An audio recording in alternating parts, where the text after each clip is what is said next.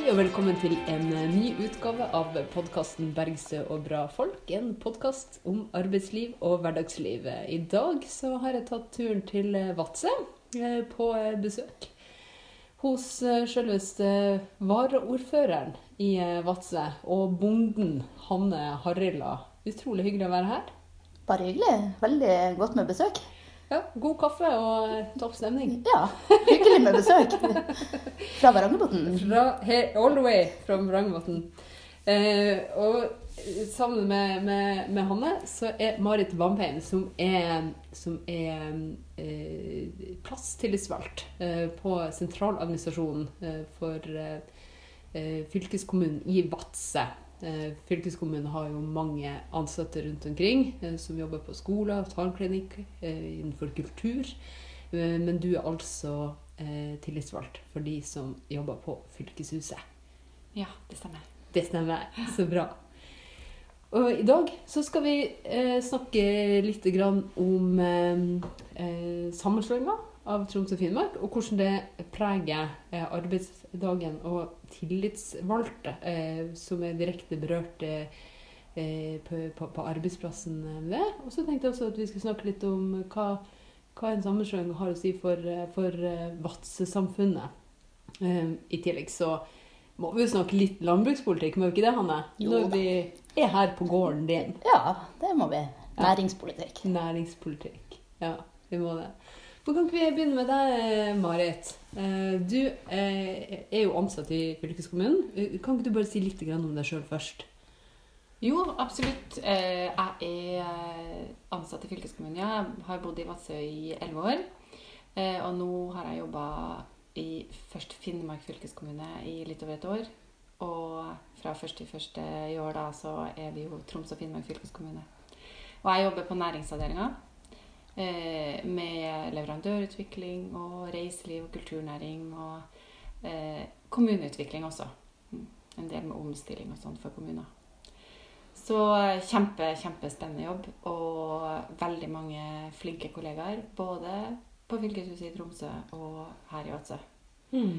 Eh, Så eh, vi har eh, veldig mange ja, både spennende utviklingsområder og bra ansatte i den nye fylkeskommunen. Som, eh, som plasstillitsvalgt så er jeg jo veldig opptatt av å ta vare på det. da. At folk trives i jobben, og at uh, vi har et godt arbeidsmiljø. Og at uh, selv om det er en stor sammenslåing og om, omstillingsprosess, at uh, vi som tillitsvalgte blir involvert i det, sånn at vi kan ta vare på arbeidsmiljøet hovedsakelig, så ikke folk slutter pga. det. da. Mm. For du er tillitsvalgt for Fagforbundet. Mm. Har dere, er det mange som er organisert i Fagforbundet på, på fylkeshuset? Ja, det er veldig mange. Det er både rådgivere og mange ledere. Eh, Så mm, når jeg er plasstillitsvalgt, så hovedsakelig eh, tillitsvalgt for de som er rådgivere. Eh, Og vi har jo faktisk medlemmer på alle avdelingene. Eh, Sånn at eh, jeg får jo eh, bli kjent med veldig mange forskjellige fagområder, og hvordan sammenslåinger påvirker de ansatte på forskjellige avdelinger. Um, veldig eh, spennende eh, og veldig stort ansvar. Mm. Men det er jo veldig mange som jobber på et sånt fylkeshus. Der er det jo både renhold, kantinedrift, vaktmestere De er også organisert i Fagforbundet, er de ikke det? Jo, eh, noen eh, ja, er det. Mm. Og, så, og vi har jo et kjempefint apparat i Fagforbundet. Et veldig godt apparat for også oss som er tillitsvalgte, eh, både lokalt og i fylket og nasjonalt. Så vi har tilgang på alle de ressursene, og det er veldig bra. For eh, vi ser jo at eh, når det er en sånn stor omstillingsprosess, så er det jo ofte vanskelig å ivareta eh, folkene. Eh, fordi at det er så mange strukturer som skal på plass, og veldig mange eh, kabaler som skal gå opp. Og da er det fort at man glemmer at det her er jo en organisasjon som er avhengig av at de som gjør jobben i det daglige, eh, har det bra på jobb og Mm. trives. Eh, og der ser jeg at i Fagforbundet så har vi veldig godt samarbeid eh, med hele organisasjonen. Eh, også som plasstillitsvalgt så er jeg jo også eh, avhengig av å ha godt samarbeid med de andre organisasjonene. For eh, vi samarbeider jo med de andre tillitsvalgte på huset om ting som angår de ansatte på huset. Mm. For omstilling det er jo eh, ofte krevende å stå i. Um, kan du si noe om hvordan den eh, prosessen har vært eh, for dere? Eller er? Ja, vi er jo midt i det. Eh, så eh, På en måte så er det jo det er jo vanskelig det, På mange ting er vanskelig for meg å snakke om akkurat nå når vi er midt i prosessen. Mm.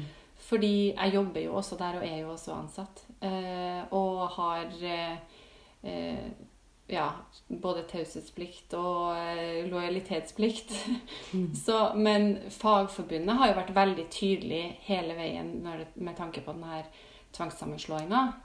Og hatt eh, mange meninger og advart mot hvordan denne sammenslåinga kan påvirke eh, både det demokratiske nivået og innflytelsen i Finnmark og i Troms.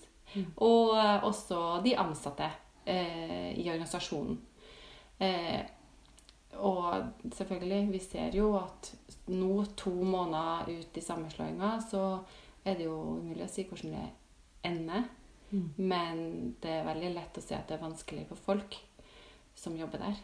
Eh, og det er eh, Det er tøft for mange å ikke vite, og det er jo det som kanskje er den største utfordringa nå. At man ser at det, blir, det er mange endringer.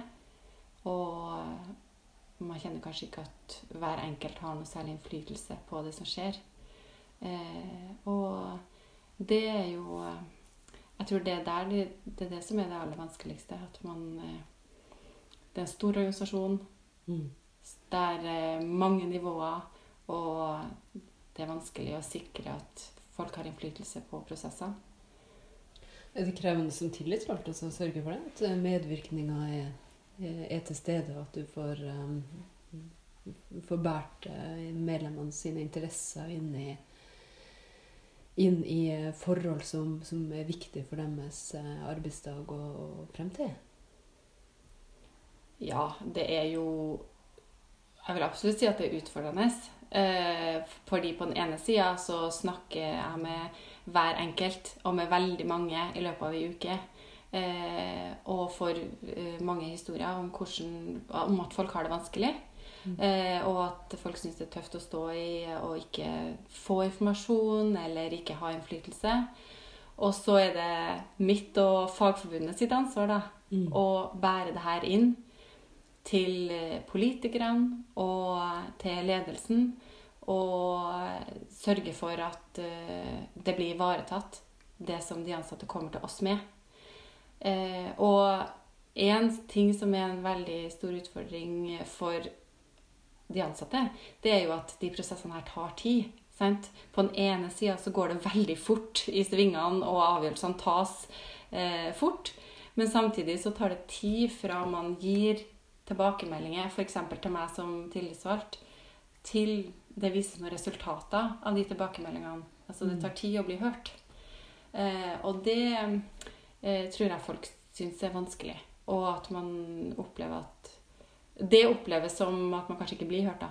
Mm. Fordi det tar eh, Det tar tid å nå fram, og det tar tid til beslutningene blir tatt.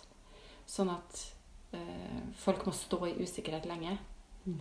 Og min største bekymring er jo at Og det er jo noe som Fagforbundet har advart mot hele tida.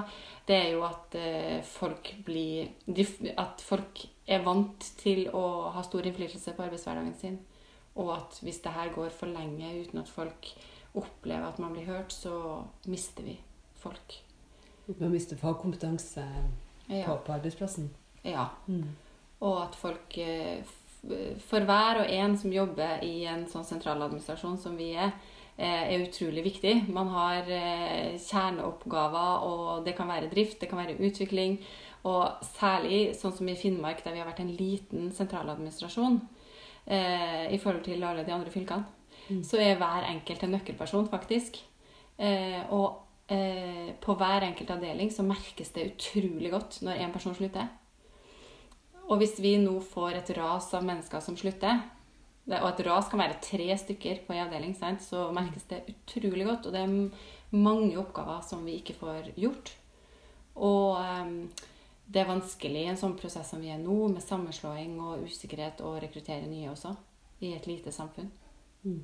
Og der er vi jo inne på konsekvensene for Vadsø, da. Så sant, Vadsø kommune og lokalsamfunnet her. Eh, for fylkeskommunen er jo en hjørnesteinsbedrift i Vadsø, og egentlig i arbeidsmarkedsregionen Varanger. I Mm. nabokommunene også. Mm.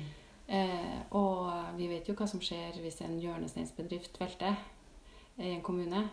Eh, da blir det jo næringsmessig krise. Eh, og eh, når vi har en, sto- en hjørnesteinsbedrift i så stor omstilling, eh, og vi vet at de folkene som jobber f.eks. på fylkeshuset i Vadsø, de får seg jobb et annet sted hvis de flytter. For jobber til folk med mastergrad eller bachelorgrad i nøkkelområder, utvikling. Det fins jo i Norge. Eh, det å flytte til en stor by, da. Mm. Så får du deg jobb. Mm. Eh, og det er en stor utfordring for eh, Vadsø kommune og Vadsø-samfunnet. Det er klart det. Uh, og så er det jo uh, så er det jo sånn at du, um, du sier at man er i en omstilling, og, og kommer også til å være det en stund. Altså, hvordan ser man på, på tidshorisonten her? Tenker du de ansatte, hvordan de ser Ja. på det? Fordi, Eh, hvor lenge, hvor lenge Nå har det jo vært usikkerhet rundt denne fylkessammenslåinga, som selvfølgelig gir direkte eh, konsekvenser for, eh, for ansatte i en fylkeskommune, enten man jobber på fylkeshuset eller er, er ansatte et annet sted, i andre funksjoner. Så har det vært en, en politisk dragkamp om eh, denne tvangssammenslåinga skulle finne sted. Eh, og så eh, blir det nå et faktum fra første i første i år, og det har vært forberedelser til det. Og, når, kan, når har, har liksom dere som tillitsvalgte ansatt en, en tanke om, om ro? Fordi det er jo en evig endring her. sant?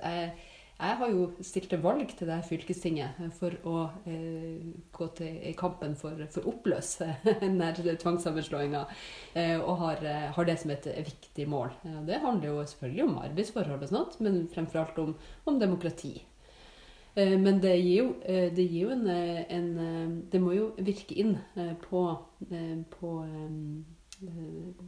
ja, tanken om når ting kan stabiliseres òg. At man jobber i et eh, politisk landskap. Ja, altså det er jo ikke noe tvil om at eh, på fylkeshuset i Vadsø så tror jeg du skal lete lenge for å finne eh, folk som støtter denne sammenslåinga, og som ønsker den. Mm.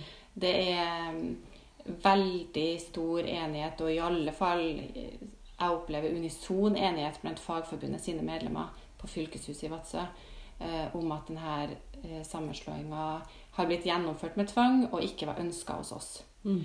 Og det er jo klart at for, som ansatt så påvirker jo det eh, opplevelsen av eh, å stå i en omstilling, når du i tillegg har vært veldig imot denne omstillinga Mm. eh, og blitt tvunget inn i det. Eh, men så har jo vi også eh, alle som jobber i en fylkeskommune, og særlig i sentraladministrasjonene, eh, vi er jo vant til å jobbe i en politisk organisasjon der eh, vi har eh, politikere som styrer beslutningene, og politikerne som til syvende og sist er ansvarlig for det som skjer.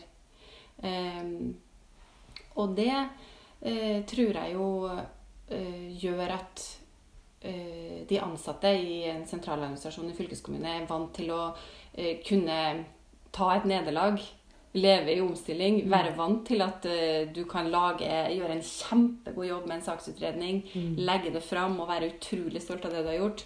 Og så blir det nedstemt. og så kommer politikerne på eh, fylkestinget og bare Nei, det her er jo en utrolig dårlig idé. Eh, Jeg har en kollega som, som har eh, et eh, avisutklipp på eh, innsida av døra si Ja. med han Arne Pedersen. Eh, Altså tidligere fylkesordfører i, i Finnmark. ja. Mm. Eh, der han eh, står, eh, blir intervjua av NRK og sitert, og på bildet er det da tekst under tekst, eh, der han sier at eh, ja, det her var en veldig spennende politisk debatt basert på et veldig grundig og godt saksfremlegg. Og det var da kollegaen din som hadde laga det her saksfremlegget. Da var det hun som hadde laga det saksfremlegget. Så det var da, Det må jo gjøre litt sånn godt i et saksbehandlerhjerte. Det, det gjør det. Godt i fagligheten. Ja, og det er jo eh, selvfølgelig fordi man er en god byråkrat, Ja. men for, hovedsakelig fordi at eh, alle som jobber i eh, administrasjonen hos oss, eh, er utrolig opptatt av fagområdet de jobber med. Og veldig flinke, dyktige fagfolk.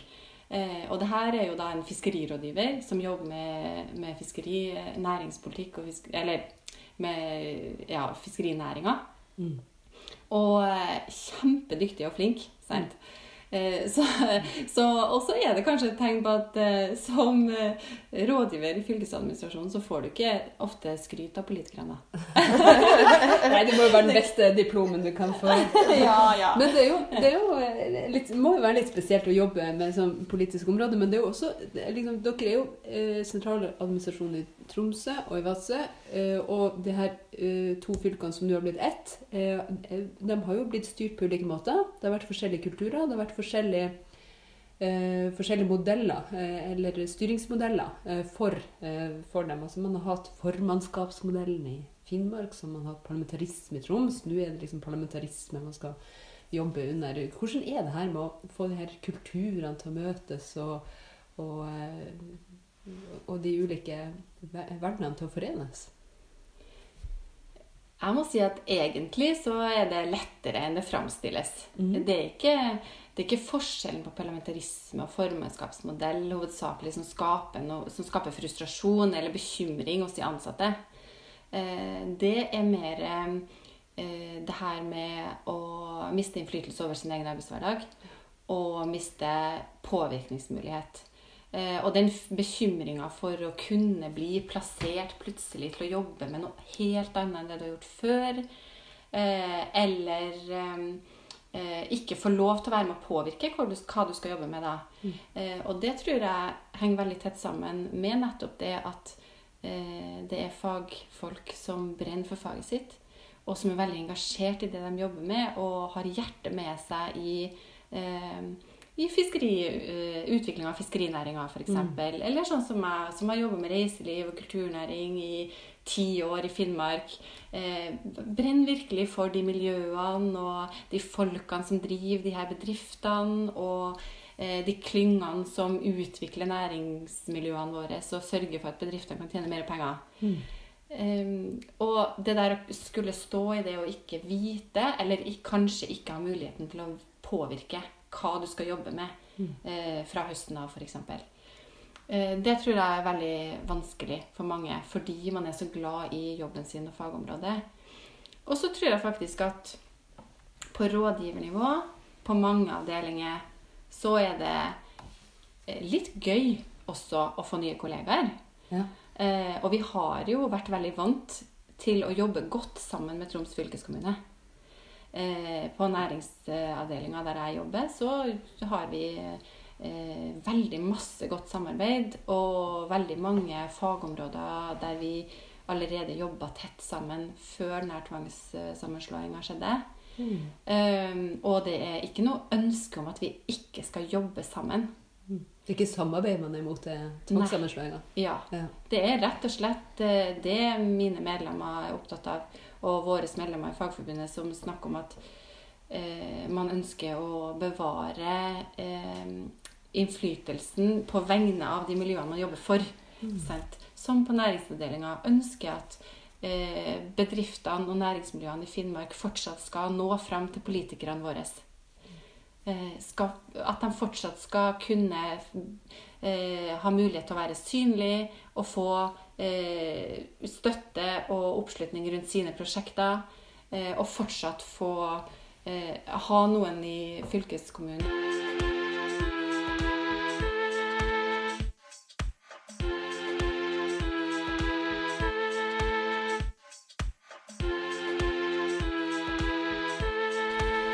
det er jo ikke sånn altså den denne eh, av Troms og Finnmark og tvangssammenslåinga den har jo veldig lav oppslutning eh, blant folk både i, i Troms og, Finnmark. Men den har kanskje spesielt lav oppslutning i, eh, i Vadsø.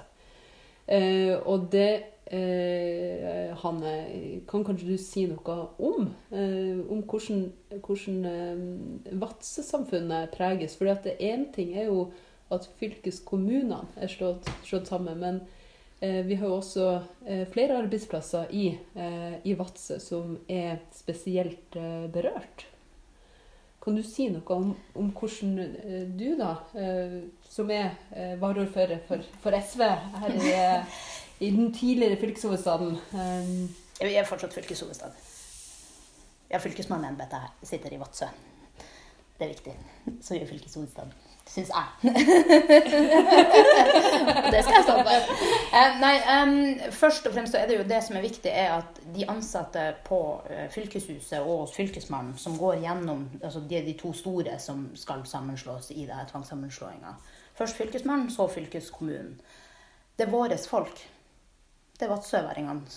Det er Marit som har bodd her i ti år, eh, som lever i en usikkerhet på arbeidsplassen sin, som vi skal på en måte ivareta og levere tjenester til. Og som skal eh, bo her og ha ungene i barnehagen og på skolen og, og på en måte hele den prosessen. Og når vi hører om at folk vurderer å slutte hos fylkesmannen eller hos fylkeskommunen, så vet vi at de flytter. De blir ikke gående arbeidsledig i Vadsø. Så vi ser jo det. Befolkninga går ned i Vadsø. Vi har gått fra 6000 innbyggere til 5008. Tallet går veldig drastisk ned. Nå er det mange årsaker til det. Det har jo vært bl.a. Eh, færre flyktninger som har kommet til Vadsø. Men vi ser at usikkerheten rundt sammenslåinga gjør at folk ikke kommer hit. Vi har jo vært en kommune der det har vært lett å få fagfolk til.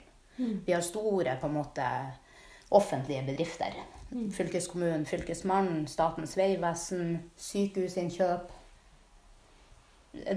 Nav har vært her som fylkes...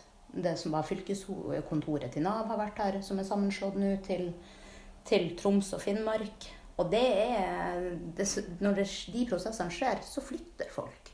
Altså, Man blir ikke gående arbeidsledig her. Som Marit sa, så kan man liksom søke seg til en annen by, da.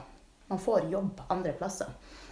Og som varaordfører og på en måte Nå satt jeg i opposisjon de siste, den forrige perioden. Da det var Høyre-ordfører her Ja. som har blitt bytta ut med Ja. Nytt samarbeid. Så nå er det nytt samarbeid, eh, og godt er det. Fordi da, det som var det største utfordringa for oss i opposisjonen, var jo at vi egentlig ikke fikk snakke om det. Vi fikk ikke på en måte ta, løfte debatten til at at det her er ikke bare et problem for Vadsø, men det er det at vi har hatt eh, den funksjonen for hele Finnmark som administrasjonsby. Det har vært vår jobb. Å sørge for at fylkeshuset kan levere gode tjenester til hele Finnmark. Eh, Og nå har fylkeskommunen vært fryktelig opptatt av omstilling og sånt de siste årene, og vi ser jo ut til de andre kommunene at man klarer ikke å levere like gode tjenestetilbud. Fylkesmannen som eh, ble sammenslått to år før, der man valgte en modell styrt fra sentralt hold, og det er jo på en måte regjeringa og staten sin forlenga arm ut i distriktet som skal sitte her, der har man jo slitt lenge. Og varsellampene har lyst rødt lenge på at man ikke har like god tjenesteproduksjon. Hva tenker du på da? Nei, bare blant annet på det at man ikke er like mye ute i kommunene. Man driver ikke like mye hjelp ut i kommunene som fylkeskommunen skal gjøre. Det blir veldig mye tilsyn og pekefinger, for det er det man rekker. Mens man egentlig skal hjelpe kommunene til å levere gode tjenester. Og det er jo den rollen Vadsø har hatt. Vi har vært på en måte vertskommune, vært heldige og vært vertskommune til de oppgavene. Og har veldig høy kompetanse i befolkninga. Og det mm, skal vi fortsette å ha. Men det krever jo at eh, vi har politikere som nå tør å tenke at vi skal snu det her. Vi skal ikke sammenslå. Vi skal ha eh, statlige arbeidsplasser ut i distriktene. Det må vi ha, fordi at det er her folk skal leve og bo. Jeg har jo eh, sett at det har vært eh, mange hus til salgs i, i Vadsø. Eh, og også at summen av statlig aktivitet har blitt tatt voldsomt ned. Nå sist så, så har det vært en diskusjon rundt ungdomssenteret i, i Vadsø kommune. Kan du si noe om det, Hanne? Ja, det er jo Bufetat, den statlige barnevernstjenesten, eh, som har hatt institusjon her i Vadsø. Er, for Vadsø var det 19 arbeids, heltidsarbeidsplasser og en del deltid. Så det var ganske mye folk som hadde jobben sin der. Um, og så er det krise for Vadsø når det forsvinner en sånn arbeidsplass. 1, 2, 3 så var den borte. Det var altså Bufetat som sa at det var de ikke fikk tak i leder. Eh, Det var vel, viser seg vel kanskje at det ikke var helt sånn det var, fordi at man etter mye medieoppslag fikk mange søkere til en lederstilling. Men, men da ville de liksom ikke Nei, da, det Da var, var ikke det som var problemet? Nei, da var det noe, kanskje noe annet. Eh, og det her har jo vi prøvd å eh, ta opp. SV har tatt det opp på Stortinget. Eh, de andre partiene har tatt det opp med statsråden. Det har ikke hjulpet, fordi man vil ikke gå inn fra, fra statlig hold og styre. Men det er én ting akkurat spesielt med Bufetat som jeg er litt Nå er det sånn i Øst-Finnmark at vi har nesten ikke noe tilbud igjen til de ungene som trenger hjelp aller mest. Nå er det sånn at den nærmeste plassen er i Alta, og det er langt til Alta. 40 mil? Ja, det er ikke 45, kanskje? Ja. Det tar seks timer å kjøre. og det går lite fly. Um, det er noe med det miljøet som Bufetat var her, bl.a. på å gi et godt kommunalt tilbud. Man hjalp, altså Bufetat hjalp kommunene eh, i Øst-Finnmark med barnevernet. Man var liksom med på rekruttering inn til det kommunale barnevernet. Man var med og hadde konferanser og samarbeidsmøter som gjør at man løfter barnevernet ute i kommunene. Og det er jo det vi trenger. For de ungene som trenger barnevern, de bor overalt. Også i Vadsø og Vardø og Nesby. Og, og de bor ikke langt unna. De er her. Så det er en sånn eh, nedbygging av fagmiljøer som du er, eh, som du er, er bekymra over? Mm. Jeg er også bekymra for den, og så er det jo det at vi har oppbygning på en annen som vi ikke snakker om. Det er tjenesten.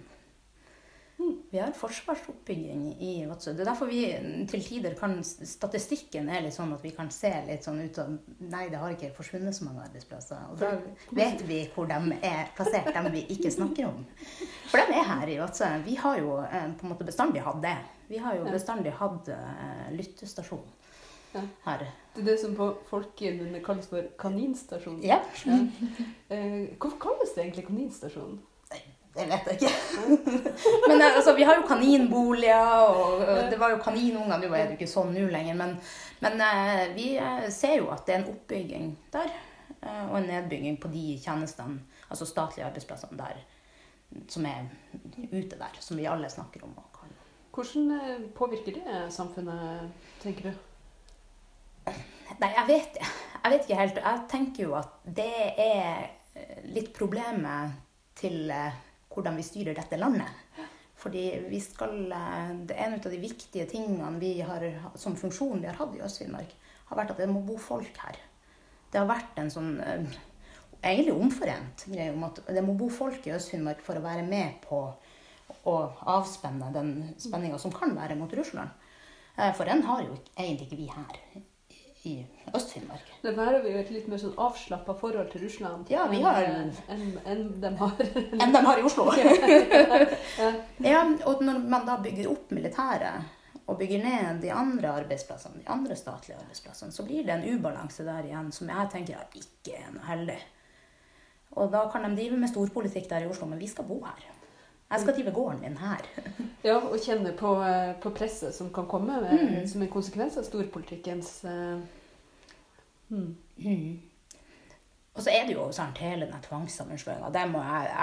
Hver gang jeg på en måte snakker om det, så blir jeg sånn Vi må alltid huske at målet til dem som satte i gang det her, er å legge ned det fylkeskommunale nivået. Altså Høyre og Fremskrittspartiet har jo det som mål. Og det her er et steg på veien. Så deres mål har vært å fjerne Finnmark har jo vært veldig sånn avhengig, eller ikke avhengig, men liksom, vi liker fylkeskommunen. Fordi at vi er, vi er jo store kommuner i omfang, men eh, på en måte litt, altså, vi er få folk. Og hvert- derfor har vi vært fint med et nivå som kan hjelpe med kommuneutvikling og næringsutvikling, der kommunene ikke har hatt mulighet til det. Så vi er veldig glad i fylkeskommunen, egentlig i hele Finnmark. Og så har vi kjent politikere, så vi kan kjefte litt på dem når de har gjort mye rart. Og, ja, men liksom, så kan vi diskutere ferger og, og kaidybder og sånne ting. Men vi har kjent dem. Sant? Det er våre folk. Den, den nærheten. Ja, og det er liksom, du tar noe opp, du kan ta opp telefonen og ringe til en eller annen politiker og si at nå må dere skjerpe dere. Jeg trenger den kaia. og, og det har vært litt sånn Vi kjenner hverandre. Og det, og det er kanskje litt forskjell på Finnmark og andre plasser at man har den der nærheten til eh, fylket og fylkeskommunen. Eh, fordi det er jo eh, det er ikke alle plasser der man har like sterk eh, fylkesidentitet. Eh, og heller ikke eh, like stor bevissthet om å bevare, eller ønske om å bevare fylket, eh, som, eh, som man har i Finnmark. Men for Vadsø så er det jo klart at du nevner både nedbygging av eh, eh, Eller sammenslåing eh, av eh, Fylkesmannen, av eh, fylkeskommunen eh, og sentraladministrasjonen, av Bufetat eh, og, og barnevernssida. Eh, og samtidig som man eh, ser en opp, oppbygging på, på, eh, på etterretninga. Eh, men også endringer i, i flyktningepolitikken eh, har jo påvirka Vadsø veldig. fordi Vadsø har jo vært en kommune som har vært veldig god på bosetting. Og som har bygd opp veldig kompetanse eh, på det eh, med bosetting. Eh, og, så I sum så må jo det her virke ganske mye inn på arbeidslivet og hverdagslivet i, eh, i Vadsø. Ja, det er klart. Og, det, og sånn som i Vadsø, vi har jo bosatt flyktninger siden jeg var liten. Hvor gammel er du? Nå er jeg 35, og vi bosatte vel når jeg var syv første gang. Ja. Så det har vært en del ut av det å bo i Vadsø. Og vi er en flerkulturell by. Vi har vært der, kvener, samer. Vi har levd her. Er sånn er ja, sånn er det i Vadsø. Og det har vi vært eh, veldig stolt av. Og det liksom, vi klapper oss på skuldra av det. Og når eh, det blir det styret som er i det her landet nå, og man på en måte sier at nei, det fins ingen flyktninger, de kommer ikke hit til Norge av en eller annen grunn. Og, og vi i Vadsø har jo sagt at vi ønsker å ta imot flyktninger. Så eh, påvirker jo det. Det er jo en ting vi i kommunen må ta ned vår administrasjon, og vi må ta ned tjenestenivået vårt. Det må vi gjøre. Eh, vi har jo hatt en stor eh, norskopplæring, annet. Den er det nesten ingenting igjen ut av. Eh, vi har bygd opp en miljøtjeneste for enslige mindreårige. Der er det ingenting igjen ut av. Jeg tror den siste nå ble voksen. Det er liksom, det er klart. Men så ser vi jo også det at næringslivet i Vadsø eh, kjenner på det. For det er klart at vi brukt, det er brukt penger i, på butikkene her Mm. som ikke blir brukt nå. Mm. Altså, det er, sånn er det jo. Når, vi, når man har bosatt flyktninger, så har de handla på butikken. Mm. Det er, sånn er det. Vi, man må jo ha klær og mat. Mm. Og folketallet går ned, og da går også den delen av næringslivet kommer til å kjenne det. Mm. Men du er jo bonde, Ja. Eh, så nå er vi jo på gården din. Og her Ja. er det melkeproduksjon. Ja. Ja. Uh, og det har du gjort i noen år. Ja. Jeg har gjort det. Jeg må tenke meg man hvor lenge. Jeg, um, jeg har vært borte en tur eh, og tatt bachelorgrad i husdyrfag, og så har jeg vært egentlig her hele tida Ja. og drevet med melk. Melkeproduksjon. Jeg har overtatt etter min far. Det er veldig fint. Veldig godt å være bonde når man er politiker av og til. Ja, da kan man gå i fjøset. Ja, skrape noen båser. Se på noen kyr. Det er veldig godt. Fikse roboten og Ja. fiske. Ja, melkeroboten. Men hvordan merker du det som bonde, som eh, næringsdrivende? Eh, Den her sentraliseringspolitikken som, som føres fra regjeringshold nå. Min næring, som er en, veldig sånn politisk styrt næring Det er jo en veldig politisk styrt næring. Alt det vi gjør, er jo politisk styrt. Eh, så er det jo med skiftende regjeringer og skiftende eh, prioriteringer. Man kan jo bli litt sånn matt av jordbruksoppgjørene. Jeg bruker å bli ganske matt, for jeg tenker noen av dere burde ha gått litt i fjøs. Det må jeg si. Ja. Jeg må si når jeg setter noen stort, ja, stortingsbehandlinger, så tenker jeg vet du, å, det er så langt eh, til det jeg holder på med. Eh, Men jeg er jo eh, heldig fordi at jeg, melkebilen kommer hver tredje dag. Uansett eh, hvordan, om staten legger ned Bufetat eller ikke. Jeg merker det vel først og fremst på at det blir færre leverandører av andre ting i kommunen. Altså når jeg skal handle ting, så er det Som du trenger her? ja, som jeg trenger på drifta, så er det vanskeligere å få tak i det hjemme her. For egentlig så handler jo jeg mest mulig her, selvfølgelig. For Man må jo handle lokalt. Ja, Ja. så pengene må jo flyte. Um, og da um, er det jo sånn at når man må begynne å bestille ting som man før kunne fære og handle på butikken her i Vadsø, så blir det tungvint. Men det Ja, for posten er jo heller ikke kjapp. Nei, det, det, det går mye på sånne ekspressfrakt-greier. Det gjør det. Særlig om sommeren her. Da blir det litt sånn Hvor fort kan du få det? Og så tror jeg nok at det er noen som ikke helt skjønner dette landet.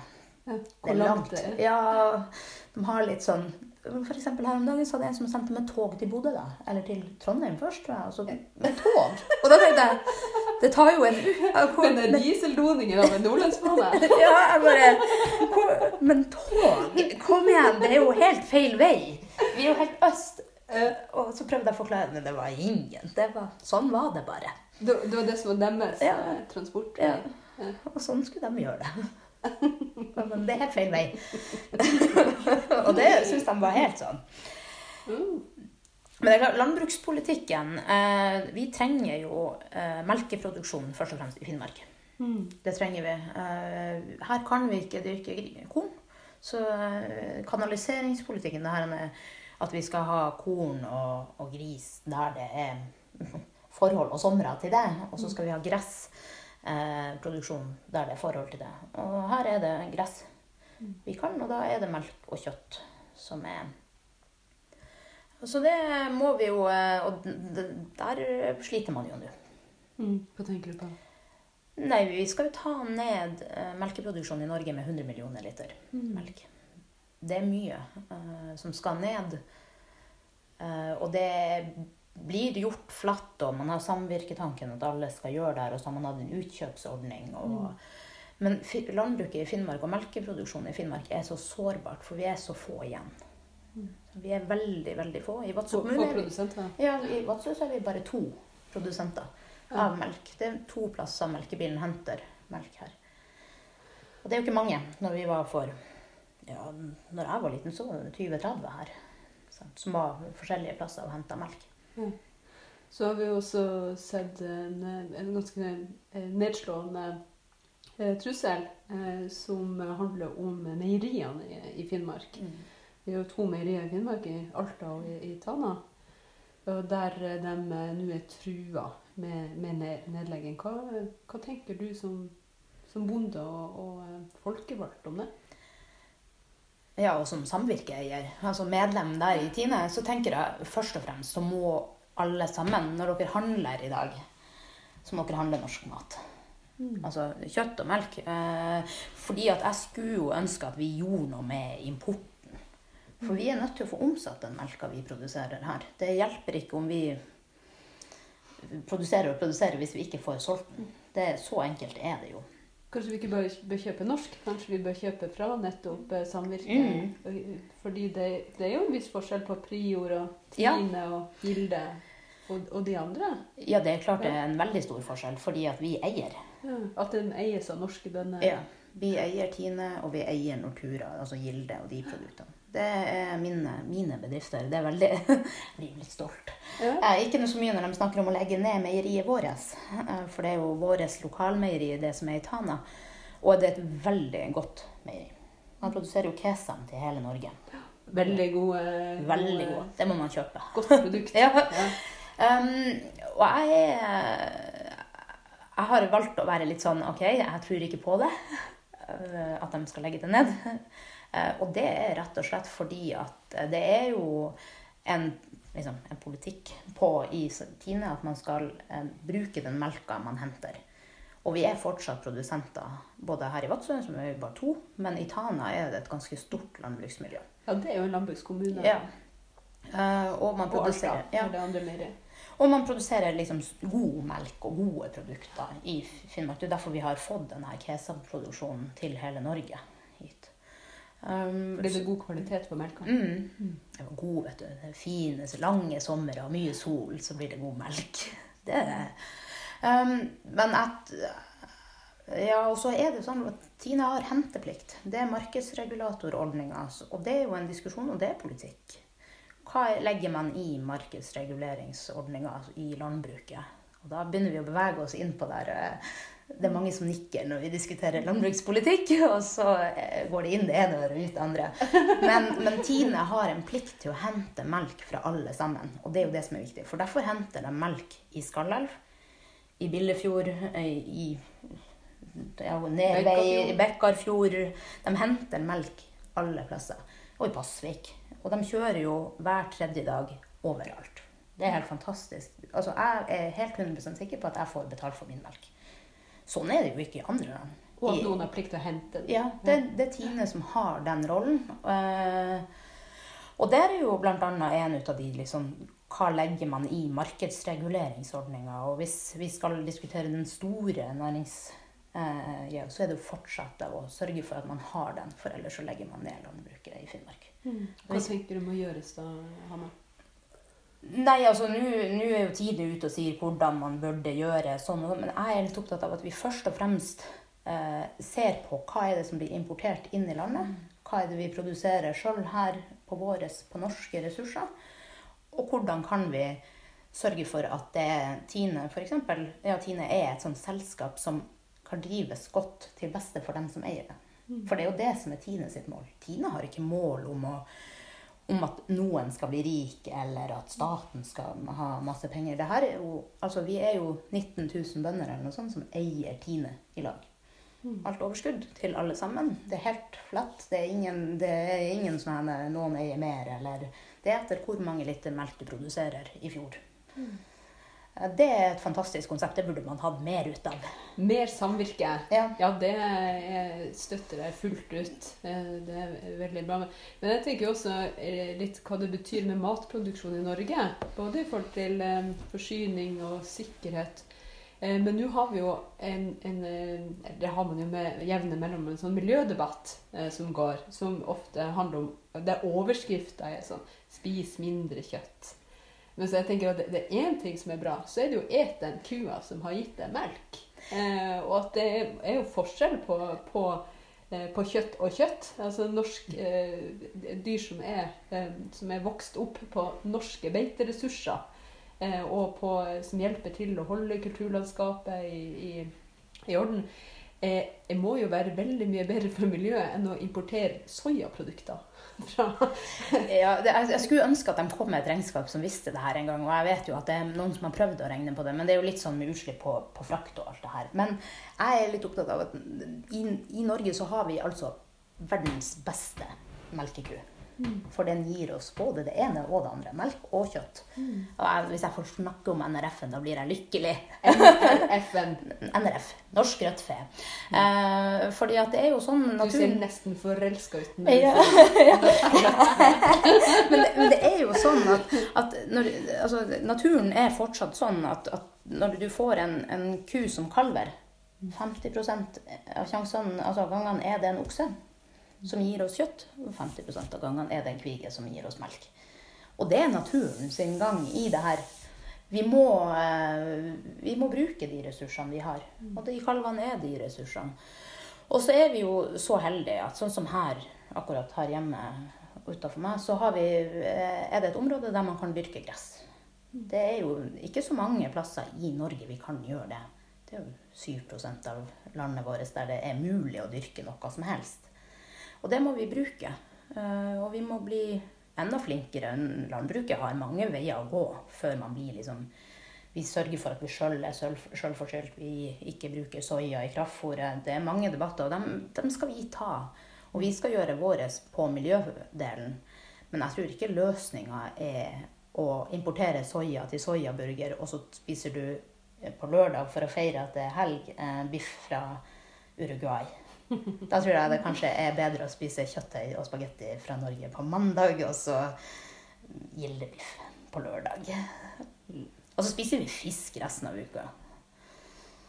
Ja, i hvert fall vi som har fisken rett ut i fjorden, ja. og som, eh, som kan hente, hente ut eh, god eh, fisk som har levd vilt. Mm. Da har man jo et veldig godt liv.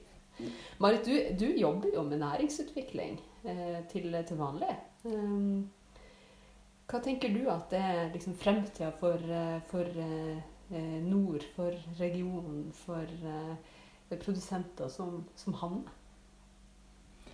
Ja, altså Grunnen til at jeg jobber med næringsutvikling til vanlig, det er jo at da jeg var nyutdanna og flytta til Finnmark, så kjøpte jeg meg inn i en bedrift. Og før jeg begynte i fylkeskommunen, så var jeg jo med å jobbe i og drive den bedriften eh, i nesten ti år. Eh, og det er jo den bakgrunnen som jo har gjort at jeg har blitt eh, interessert i næringsutvikling. Mm. Eh, fordi jeg har eh, vært der og eh, vært eier og ansatt folk og jobba i bedriften sjøl og eh, utvikla et kompetansemiljø Mm. i eh, Finnmark. Um, og det jeg virkelig har begynt å inn, har innsett på de årene, det at Og det gjelder ikke bare Nord-Norge, det gjelder hele Norge. Det som er framtida for oss, det er jo at vi må satse mer på de små bedriftene. Og de mellomstore. Eh, for det er dem vi har flest av. Mm. Eh, og det er dem som skaper arbeidsplasser eh, i distriktene, men også i byene. Og som virkelig gir muligheter i eh, Norge til å aktivt kunne utvikle næringslivet på en måte som kommer nedenfra og opp, da. Mm. For eh, hvis vi jobber med bare de store, så legger vi jo til rette for at eh, eh, de største konkurrerer kanskje bedre med resten av verden. Mm. Men det som jeg mener har skjedd de siste årene, er jo at vi har jobba for mye med de store, og at vi ikke setter pris på de små. Og det gjelder jo eh, for så vidt i landbrukspolitikken og den næringsutviklinga, men egentlig alle næringer. Mm. For hvis vi ikke tar vare på de små, så blir det jo til slutt umulig å gjøre sånn som jeg gjorde, og være med å starte en bedrift. Og bygge opp noe fra bunnen i et lokalsamfunn som virkelig trenger det. da. Mm. Sant? Eh, Så um, jeg tror det aller viktigste vi kan gjøre, er å legge til rette for at eh, vi får mange små bedrifter som eh, gjør det skikkelig bra. Og det store visjonen hadde, som hadde vært helt fantastisk om vi hadde fått det, var jo hvis alle de små bedriftene i Norge de neste fire årene kunne ansatt én eller to til. For da hadde vi jo virkelig skapt masse nye arbeidsplasser i eh, både by og bygd. Mm. Og på my i mye større grad på eh, de ansatte sine premisser. Og eh, dem som faktisk jobber i bedriftene sine premisser. Fordi at i de små bedriftene så er det jo Der må man jo ta vare på de ansatte. Der er det jo ikke noe alternativ. For det er jo dem som skaper verdiene hver eneste dag, hele tida. Og det er ikke bare å bytte dem ut. Og der kan man jo kanskje ha samvirkemodeller og tanker rundt eh, ja, mer felles eie eh, også, når det er mindre forhold og man er med på, på å skape sjøl. Ja, absolutt. Ja. Og det tror jeg jo mange små bedrifter eh, lever veldig på og klarer å det, det er sånn man får musklene sine i en liten bedrift. At man har et godt arbeidsmiljø, og at man har folk som har en skikkelig kjærlighet til det de driver på med, og til den arbeidsplassen de har. Mm. Og at mye av drivkrafta er å utvikle seg sjøl og hverandre sammen, da. Nå ser du nesten like forelska ut som Anne når hun snakker om norsk rødtve. Jo. Jo, men det, det er jo eh, en sånn eh, oversett eh, fantastisk ressurs vi har i Norge. De bitte små og små da, bedriftene. Mm. Eh, som ingen nesten snakker om. Mm. Eh, og jeg, det bare var så åpenbart for meg da jeg jobba i min egen bedrift, eh, hvor viktig de store bedriftene og de små bedriftene og det offentlige er først og fremst som kunde Mm. for de små lokale bedriftene. Eh, og det merka vi f.eks. kjempegodt i min bedrift når Fylkesmannen begynte å omorganisere, fylkeskommunen skulle slå seg sammen, eh, alle de her store reformene som også gikk på Fiskeridirektoratet og Nav og mange offentlige etater samtidig, at de store offentlige, som vi har, ofte hadde mange oppdrag for, min bedrift, eh, de ble innadvendt og fokuserte på seg sjøl. Og hadde så mye prosesser internt at de kjøpte mindre varer og tjenester lokalt. Og eh, det der altså, det er så undervurdert eh, hvordan det offentlige, men også de store private eh, Det viktigste man må gjøre for næringsutvikling, det er å handle lokalt. Og være med at, og utvikle de små og mellomstore bedriftene gjennom å være en kunde. Men Marit, du har jo ikke alltid jobba i fylkeskommunen. Du har ikke alltid drevet en egen bedrift. Vi har et fast eh, spørsmål i denne podkasten, og det var hva var din aller første jobb? Min aller første jobb, eh, det var som jordbærplukker i Ulvik i Hardanger. Oi, oi, oi, så eksotisk. Hardanger. Ja, ja. det er jo fantastisk i Hardanger. Det er jo nesten like fint som i Finnmark. Eh, og der eh, Hardanger-Varanger. Er Ja, det ligner veldig. ja, nei, jeg, det var jo en sommerjobb, det, da. Ja. Eh, da plukka jeg jordbær hele sommeren. Eh, og jeg ble solbrent på ryggen. Og eh, det var de første pengene jeg tjente. Mm. Veldig fint. Det var fint. Ja, det var fint. Så bra. Enn du da, Hanna? Hva var din første jobb? Det var jo Sikkert i fjøset, da. Ja, det, det, det var i fjøset. Men når du vokste opp og går, fikk du penger for det? Eller var det bare sånn ut og jobb, og så en gang ble den din? Nei da. Vi, vi fikk penger eh, for det etter hvert. Altså, det var noe, men når går det fra lek til eh, at du er ansvarlig for å gjøre noe. Ja. Eh, Så det var å ha fjøs. Da hadde jeg og min bestemor fjøs, og det er jo hun som har lært meg alt. Det er kvinnfolkene i eh, landbruket i Finnmark. Det er vi som har drevet det. Så det var min bestemor som hadde meg med, og da fikk jeg lønn hos henne når vi gikk inn fra fjøset. Så tok vi badstue. Og da var det sånn Nå er det helg, nå har du jobba. Så da fikk vi lønn. Og badstue. Ja. Og det hørtes fint ut. ja. Veldig fint. Er det rart det ble bonde? Nei, Det, det er sånn det skulle være. Tusen takk for praten.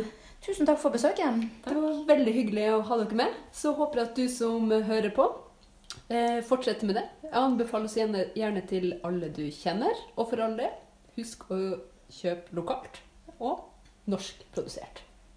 Ha en fin dag.